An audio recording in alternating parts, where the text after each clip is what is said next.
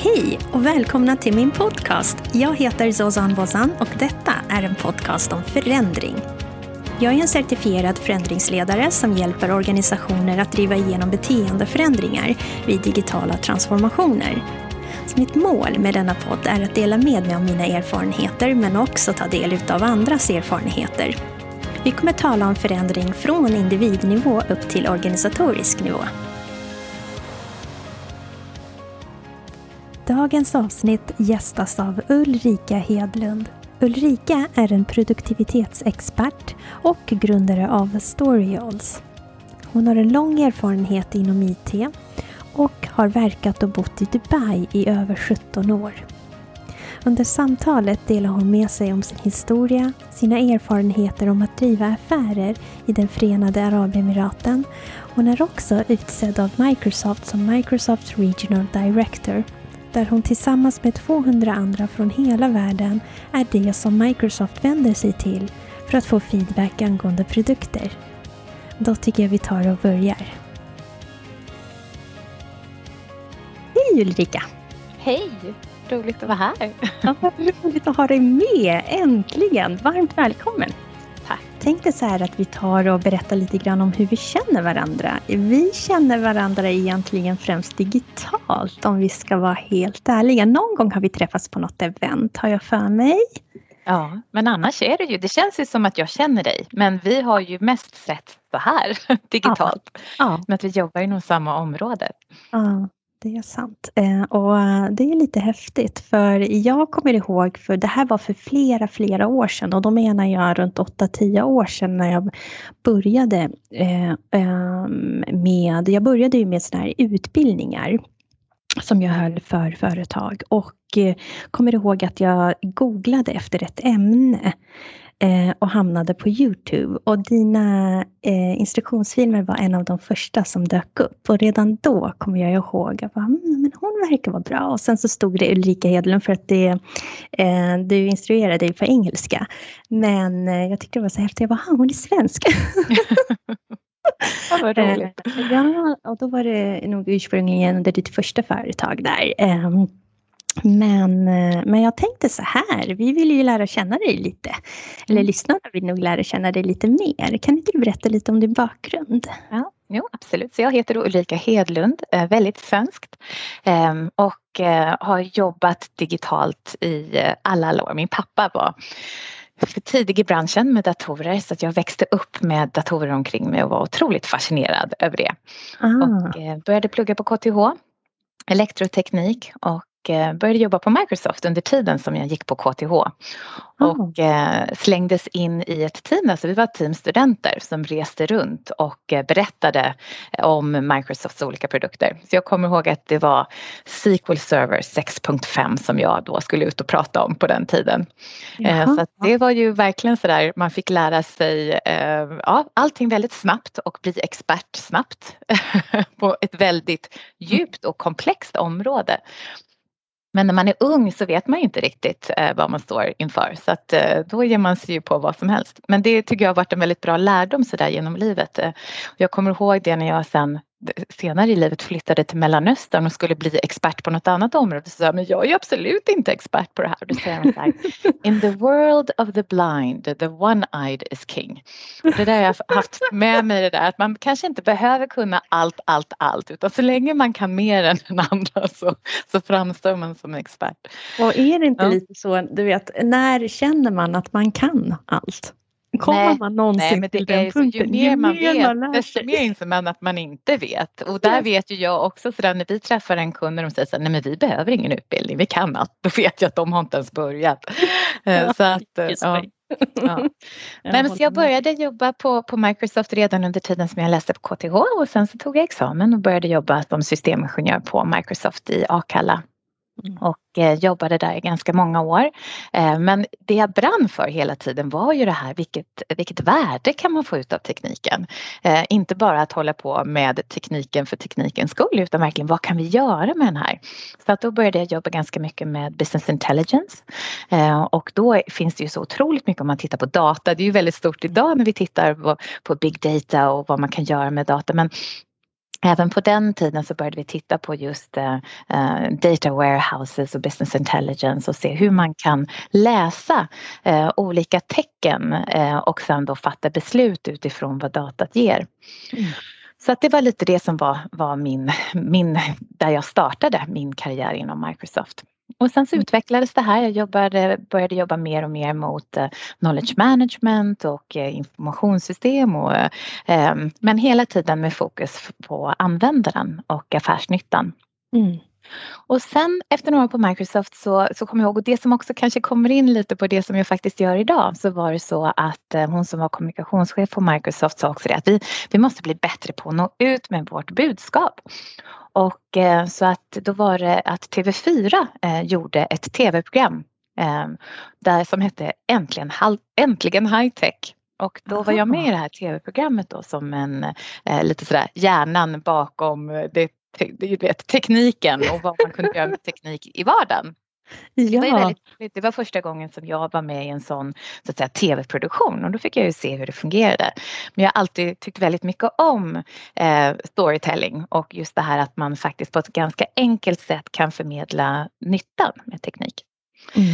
Sen så flyttade jag och min dåvarande pojkvän 2007. Då flyttade vi till eh, Förenade Arabemiraten och jag började jobba på Microsoft där.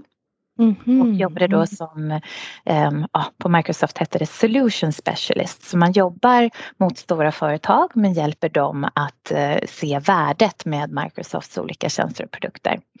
Och uh, det var ju en enorm kultur. Jag tänkte det, hur var den övergången och kulturkrocken?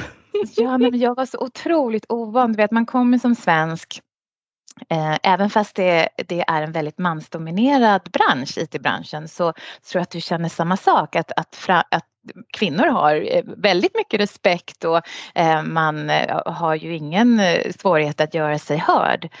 Och så kom jag till ett land som var väldigt annorlunda. Just bara det här mm. att man inte tar i hand. Ehm, mm. Var, var, allting var väldigt annorlunda. Men, men mm. efter ett tag, jag har ju bott där nu i 17 år. Så man lär sig. så länge, det visste ja, jag inte faktiskt ja, Ja, så lång tid. Och ja. man lär sig ju, man lär sig förstå kulturen, man lär sig respektera. Um, allting är inte så svart och vitt, det är inte Nej. rätt fel utan allting, det finns olika nyanser av allting.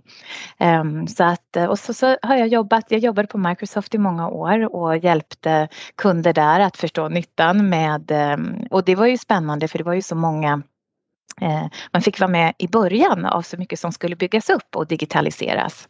Mm. Och sen för eh, ungefär tio år sedan så lämnade jag Microsoft och startade eh, mitt första företag som heter Business Productivity. För de som har varit med vet det innan det hette Microsoft 365 eller Office 365 så hette det ju Business Productivity Online Services, BPOS. Så då startade jag ett företag då för, för att hjälpa till att då konsulta och hjälpa företag att driva användar, eh, alltså adoption helt enkelt, adoption av de här verktygen.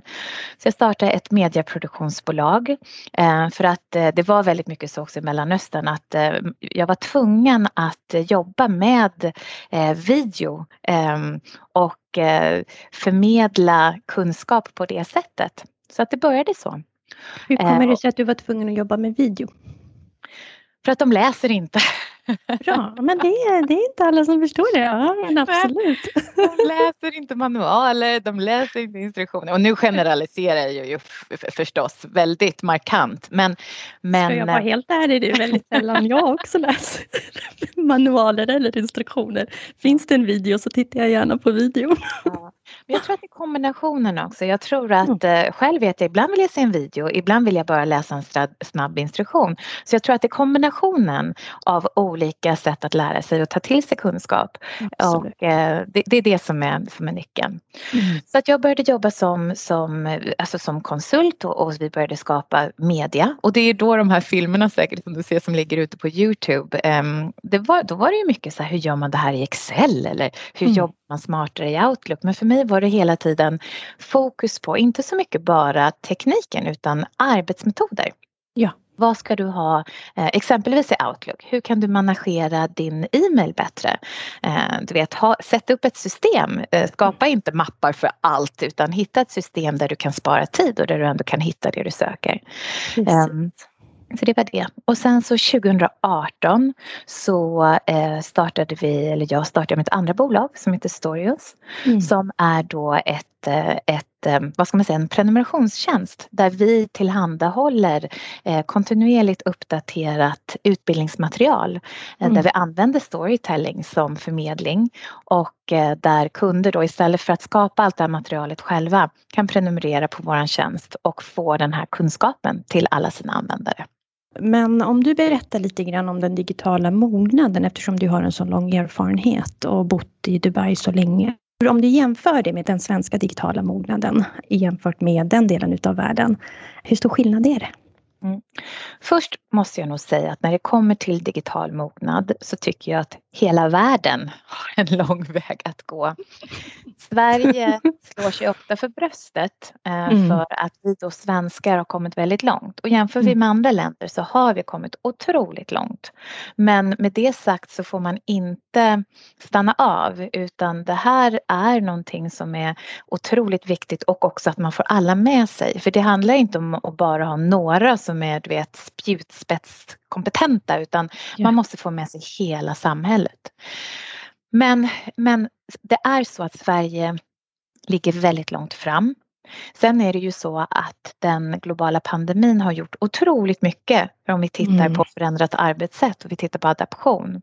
Mm. För Mellanöstern bygger väldigt mycket på relationer och det bygger väldigt mycket på att man ska lära känna varandra. Och traditionellt så har du gjort det här genom att umgås och att inte prata arbete.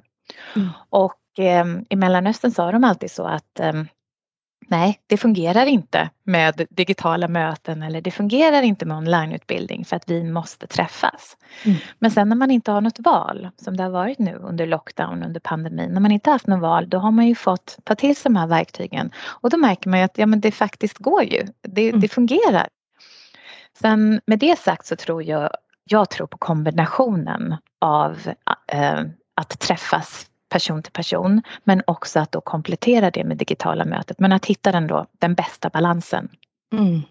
Men jag, är ju, alltså jag har ju ursprung från Mellanöstern och jag eh, tänkte på det nu när du sa det, eh, att det handlar så mycket om relationer och att Eh, till exempel får man hem gäster och man bjuder på någonting så är det ju väldigt oförskämt om man tackar nej till det som bjuds. Ja. Så ja. Nej, små, små saker som spelar ja. väldigt stor roll som man kanske inte riktigt vet om, om inte man har varit kan den kulturen. Så, jag kommer ihåg en av mina första möten då när jag kom ner till, till Förenade Arabemiraten så skulle vi ha ett möte med Ministry of Labour. Oj. Och det här var ju så här jättestort och jag var mm. så väl förberedd. Jag hade skrivit, jag hade skrivit en agenda och jag hade skrivit det här är syftet med det här mötet och det här är det vi ska gå igenom. och vi kommer dit och direkt så börjar jag säga ja det här är syftet med det här mötet och, och min kollega då han, han var från Pakistan men hade jobbat i den arabiska du vet, kulturen med emirater väldigt länge så han, han bara tog mitt block och stängde igen det. Det var ju då för några år sedan.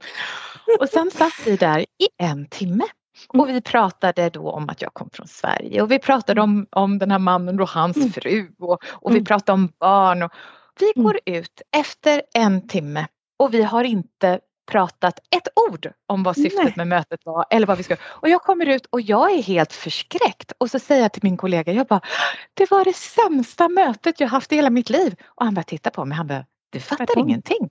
Han bara, det där var det bästa mötet, vet, han älskar dig, det här kommer gå jättebra.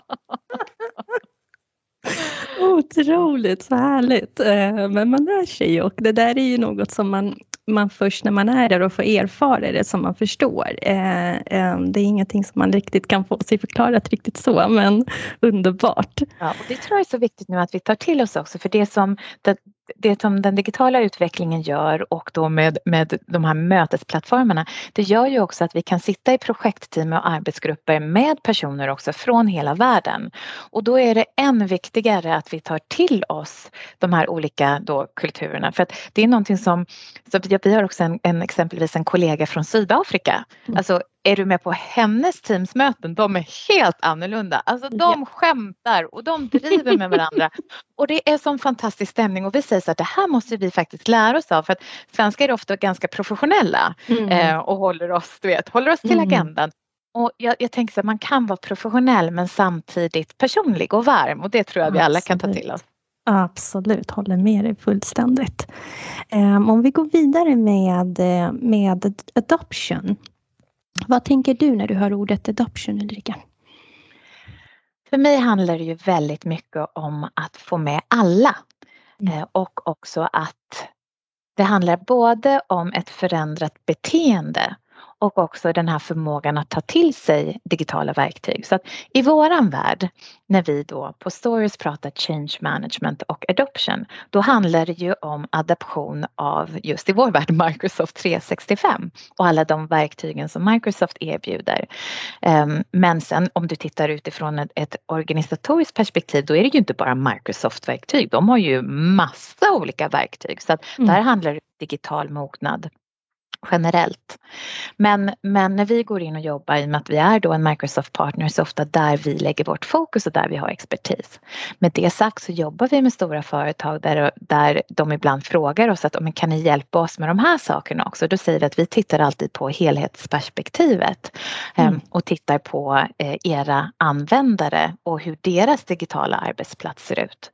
Mm. Så att för, för mig handlar det väldigt mycket om att lyfta hela organisationen och här är det så. Det är, det är ett faktum att alla människor, om man tittar på den här adoptionskurvan, har olika eh, möjlighet och villighet att ta till sig eh, förändring. Ja. ja. Jätteviktigt och jätteviktigt att ha med sig det.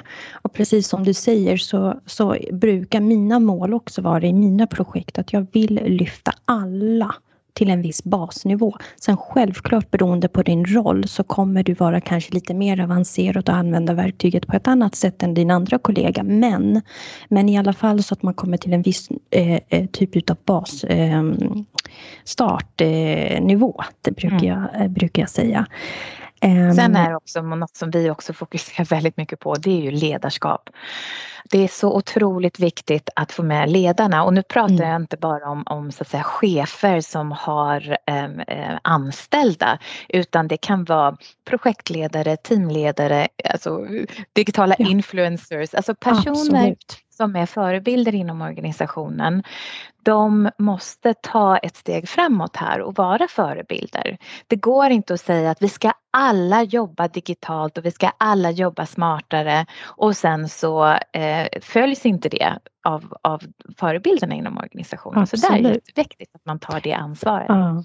Jag brukar leta efter de inofficiella ledarna också, för det brukar ju finnas ofta de som eh, hörs och eh, många Eh, eh många kollegor respekterar deras åsikt och så runt ett fikabord och så vidare. Så brukar jag fråga om det inte är så att jag själv är på plats. Vilka är de inofficiella ledarna?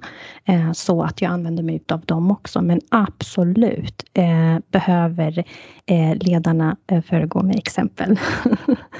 um, Men eh, berätta lite mer om hur just ni arbetar med adoption och så tänkte jag även eh, vad utmaningarna du ser är med bra adoption. Så som vi jobbar med adoption är att vi vill hjälpa organisationer bli bra på det själva. Eh, och när jag menar bli bra på det själva så är det så att det finns ingen liksom, quick fix för adoption. Det finns mm. inget, Microsoft brukar alltid vara så what's the silver bullet? Alltså vad, vad finns det för liksom lösning för det här? Och, och, det är så att det är hårt jobb. Mm. Och eh, förr, jag brukar säga det, förr i tiden när Microsoft uppdaterade programvara var tredje år, då kunde man göra så att man samlade alla och så utbildade man alla. Och sen så det kunde man vänta tre år till. Yeah.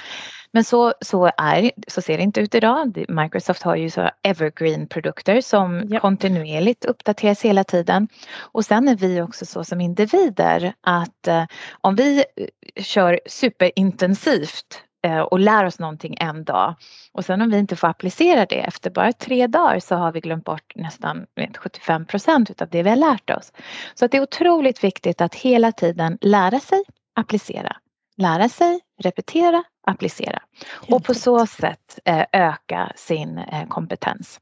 Mm. Så, att, så som vi jobbar med organisationer, eh, vi, kan, vi börjar med, alltså vi jobbar alltid från organisationer på 50 anställda mm. upp till tiotusentals. Eh, och ibland kan det vara så att vi går in och vet, bara gör en workshop med deras digitala ledare mm. eh, så att de ska känna sig mer komfortabla. Men oftast så ser vi det som ett mer så att säga, långsiktigt engagemang. Och det vi gör då är att vi tittar på vad, hur, hur ser det ut hos organisationen idag? Här finns det ju jättebra verktyg som exempelvis Productivity Score i Microsoft 365. Man kan titta på de, de rapporterna. Man ska inte läsa av det här så att säga eh, poängen rakt av utan man, om man går in i de här rapporterna och tittar på hur jobbar vi idag så kan man ha det lite som en baslinje eh, för vart man står. Mm. Sen så går vi in och tittar på okej, okay, hur ska vi se till att då få med alla? Och det vi har då, vi har en prenumerationstjänst där vi erbjuder då eh, digitalt utbildningsmaterial mm. eh, men kombinerat också med coachingtjänster. Eh, vi brukar kalla dem digitala gym. Mm. Så att vi mm. sätter upp i Microsoft Teams hos kunden och sätter vi upp som ett träningsprogram där vi då kombinerar eh, det digitala utbildningsmaterialet med då livesessioner. För det är också mm. någonting, det är så viktigt att ha den här tidskritiska eh, ja. tiden. För att mm. även fast du kan göra allting när du vill on demand när som helst så är vi som, som individer att ofta skjuter man saker och ting på framtiden. Det vet vi ju, du vet att gå till ett riktigt gym. så gymmet finns där. Just idag var jag lite, hade jag annat att göra. Eh, och då är det så viktigt att man faktiskt då och då, då, då sätter vi de här tiderna att nu har vi ett, eh, en workshop eller nu har vi ett webbinar om det här. Och det här mm. är er läxa, det här ska ni ha gjort innan. Mm. Eh, gått igenom det här materialet, ni ska ha fått ert certifikat. Men det vi försöker göra är att alla ska inte lära sig allt, det behövs mm. inte. Men alla behöver lära sig en viss nivå. Så vi tar ju all den här informationen så kortar vi ner det. Så att istället för att sitta i fem timmar så sitter du i 20 minuter och så lär du dig det som är viktigast. Du kommer inte bli någon superstjärna i alla appar i Teams exempelvis. Men du får lära dig det du behöver veta för att delta exempelvis i ett team eller att leda ett team. Mm. Ehm, så, att, ehm, så att då kombinerar vi eh, sån instruktörsledd eh, utbildningsprogram ihop med det digitala. Och sen så tar vi olika avstämningar och ibland då efter tre månader så är kunden kan de ta över stafettpinnen och fortsätta. Då har de hittat personer som är champions och driver det här programmet vidare. Eller så säger de så här, nej, ehm, nu vill vi fortsätta i tre månader till eller nej, nu vill vi fortsätta i sex månader till. Mm. Ehm, men med mindre engagemang. Så istället för att köra eh, så här många workshops och webinars så kanske det räcker med att köra ett per kvartal. Men mm. så att vi vi, vi släpper inte våra kunder utan vi försöker få dem att kunna köra det här vidare själva. Men, men däremot så säger vi inte åt dem att ni behöver skapa allt utbildningsmaterial utan det fortsätter vi med och det uppdaterar vi ju hela, hela tiden åt dem. Ja, det har jag fått höra från era tidigare kunder och även ähm, ähm, kunder jag har varit hos ähm, och arbetat med. Att äh, det är ni väldigt, väldigt bra på. Så Ja, det är tidskrävande. Ja, för att Microsoft det är det. Allt hela tiden. Men samtidigt så så um, häng, det handlar ju om att vi också då hänger med. Eh, vi kan inte ha samma takt som Microsoft för att eh, de, eh, så att, säga, så att vi, vi ligger ju alltid så här, de släpper och sen så ja. uppdaterar vi materialet. De släpper, vi uppdaterar för att ibland är det så att sånt som vi har i Developer Preview, eh, man skulle kunna tänka sig att vi spelar in filmer på det men det är inte alltid säkert att det sen kommer ut i den publika mm. versionen. Nej, men så vi får alltid vara så här, okej okay, nu har det släppts, nu har det släppts. ja, men så blir det ju. Men om du, om du säger lite så här framöver, hur tror du det kommer att se ut med tanke på din långa erfarenhet i den här branschen? Hur ser liksom vår digitala transformation ut om tre, fyra år, tror du? Jag tror att en av utmaningarna idag och någonting som vi stöter på hela tiden är att det finns inget tydligt ägarskap för den här frågan. Digital kompetensutveckling faller mellan stolar Ofta så tycker HR att det här ligger hos IT men IT tycker ju att det här är någonting som de ska ju bara se till att systemen fungerar. Så det jag hoppas på eh, och det vi ser mer och mer företag som mognar, de mm. ser att eh, digital kompetens och digital transformation är en sån central del utav deras affärsverksamhet så att ja. man får ett tydligt ansvarsområde. Och att man då också med ett tydligt ansvarsområde att man också har tydliga eh, processer för det här. Vi jobbar väldigt mycket med digitala lärplattformar. Mm. Det blir otroligt viktigt att kunna mäta och att följa upp och titta på vad man har för kompetens och vad mm. man har för gap i kompetensen. Och sen också att man ställer högre krav på att ens medarbetare ska ha fått den här utbildningen. Jag, jag, jag, tycker ofta att det är orättvist mot anställda att, och chefer att de förväntas leda team eh, över, över Teams eller ja, Zoom. Eller uh. När de inte har fått coaching i hur man ska göra det. Så att jag, ehm, jag tror att Sverige ligger i framkant här. Eh, mm. Jag tror att om tre år så kommer allt fler företag har insett vikten av att satsa på digital kompetensutveckling och också mm. digitalt ledarskap och lyft mm. den frågan. Mm. Vad tycker du har varit de största utmaningarna när det, när det handlar om inlärning? Eh, du har så bred erfarenhet utav det här. Inlärning hos människan. Vad fungerar, vad fungerar inte om du, om du vill dela med dig av eh, kanske något misslyckande eller något som du har känt så här, det här fungerade faktiskt inte för oss. Jag tror att det är så otroligt viktigt när vi tittar på lärande att vi mm. tittar på att vi alla lär oss olika. Så att vi måste förse medarbetare med olika sätt att, att ta in kunskap. Sen är det så att vi är människor och vi lär oss allra bäst av andra människor och gärna sådana som vi litar på. Så att jag tror det som vi skadas av lite grann eh, på Storios när vi säger att vi har eh, alltså förinspelat material. Då är det många som tänker så här, oh, e-learning, gud så tråkigt. Nej, nej, nej, det kommer aldrig gå hem hos våra användare. Det, det, vi behöver ha dig eh, och du mm. behöver vara här. Mm. Eh, och, och det jag försöker förmedla då är att det vi gör digitalt med våra förinspelat material, det kan vi inte göra live för det, vi visar ju en berättelse. Um, och när vi spelar in en 10 minuters film, det tar oss två veckor att spela in det. För då visar vi eh, när jag sitter i bilen eller vi visar när vi har ett möte eller vi visar när man, när man eh, vet, sitter tillsammans fast vet, jobbar hemifrån. Och sen spelar vi in den här filmen för att kunna visa alla scenarion och visa hur vi applicerar teknik i alla de här olika scenarierna. Ja, det eh, tyckte jag var så fascinerande just med er, att ni arbetar så otroligt mycket med storytelling.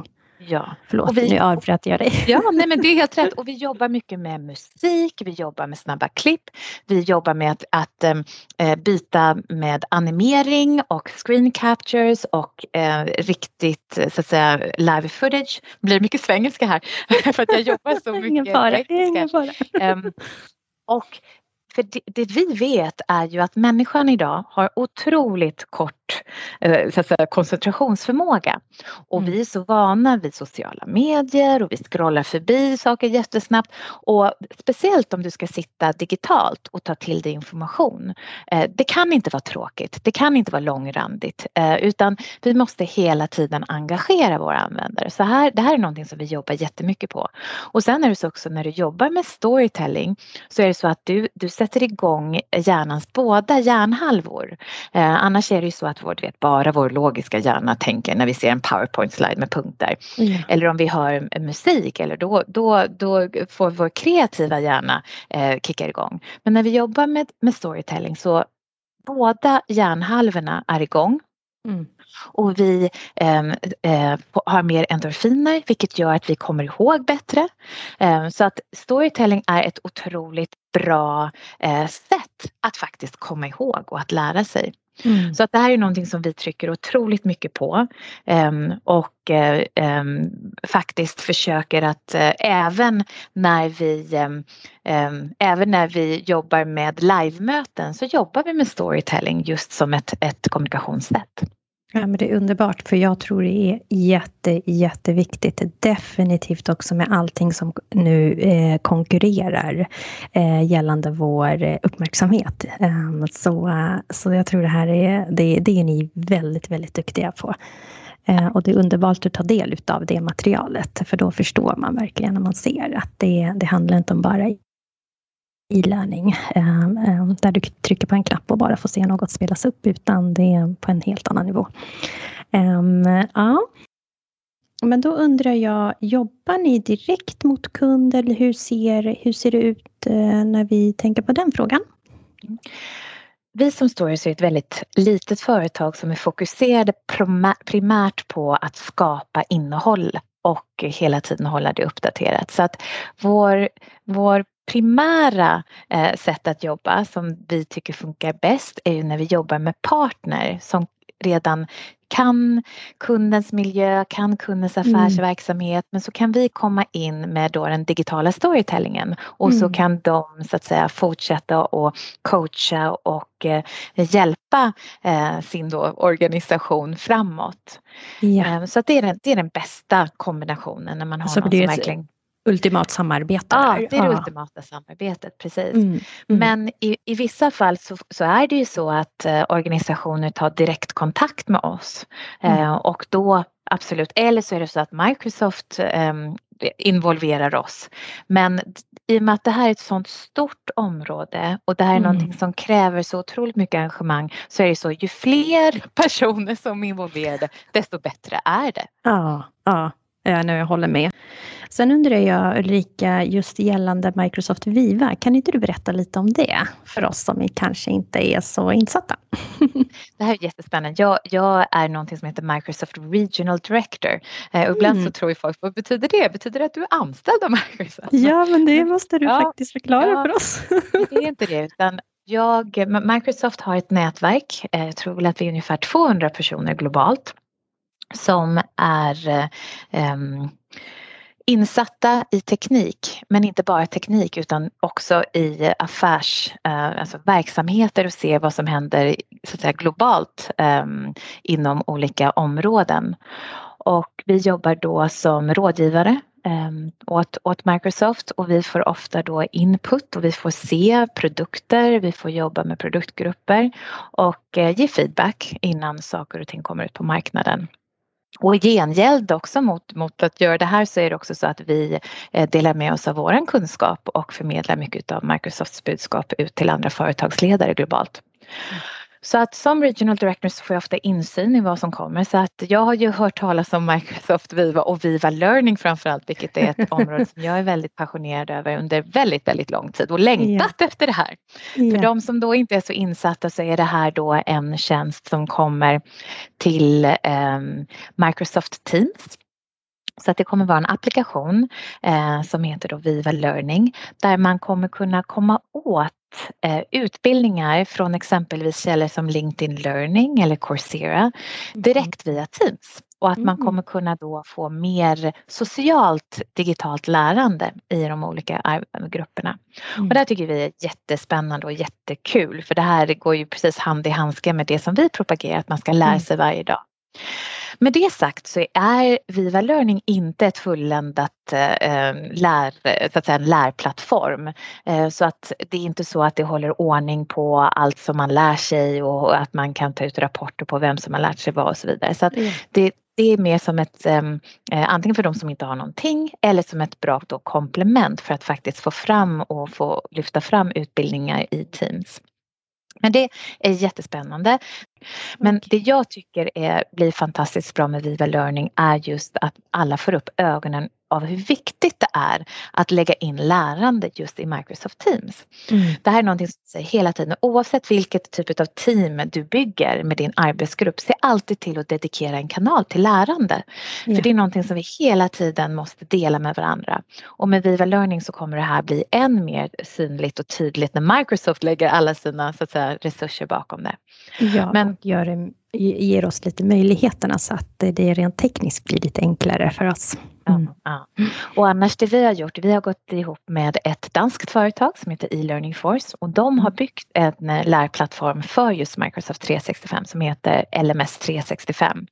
Så att vi är återförsäljare av den produkten och vi har även byggt ett produkterbjudande runt den produkten och den, den har redan eh, integration med Teams och har otroligt bra system för att hantera både klassrumsutbildning men också då digitalt lärande. Så att den mm. plattformen mm. jobbar vi otroligt mycket med. Jag tycker det är så skönt också, ju mer man bakar in in i Teams, eh, desto eh, gladare blir jag. Ja, eh, ja du kommer snart kunna få meditation och allt möjligt in i Teams. Fast det var behöver aldrig lämna. Åt mig. Jag behöver aldrig lämna det fönstret. That's it. Ja, underbart. Du Ulrika, tiden går väldigt fort när man har det trevligt. Um, och det här har varit ett jättegivande samtal. Um, jag kanske kontaktar dig igen framöver. Um, men um, men jag vill bara tacka dig för att du tog dig tid och uh, givit oss så mycket information och kan varmt, varmt rekommendera både dig och uh, Storyops. Tack så jättemycket Såsa. Det har varit super att få prata med dig och se fram emot att faktiskt ses snart på riktigt. Det gör jag med. Vill du veta mer just om storytelling så håll utkik efter kommande avsnitt. På min hemsida zozanbozan.com hittar ni alla avsnitt, mer information, bra länkar och ni kan lämna feedback. Vill ni följa podden på sociala medier hittar ni Zozan Bozan Podcast på Instagram och Facebook. Återigen, varmt, varmt välkomna till Zozan Bozans podcast om förändring från individ till organisation. Hej då!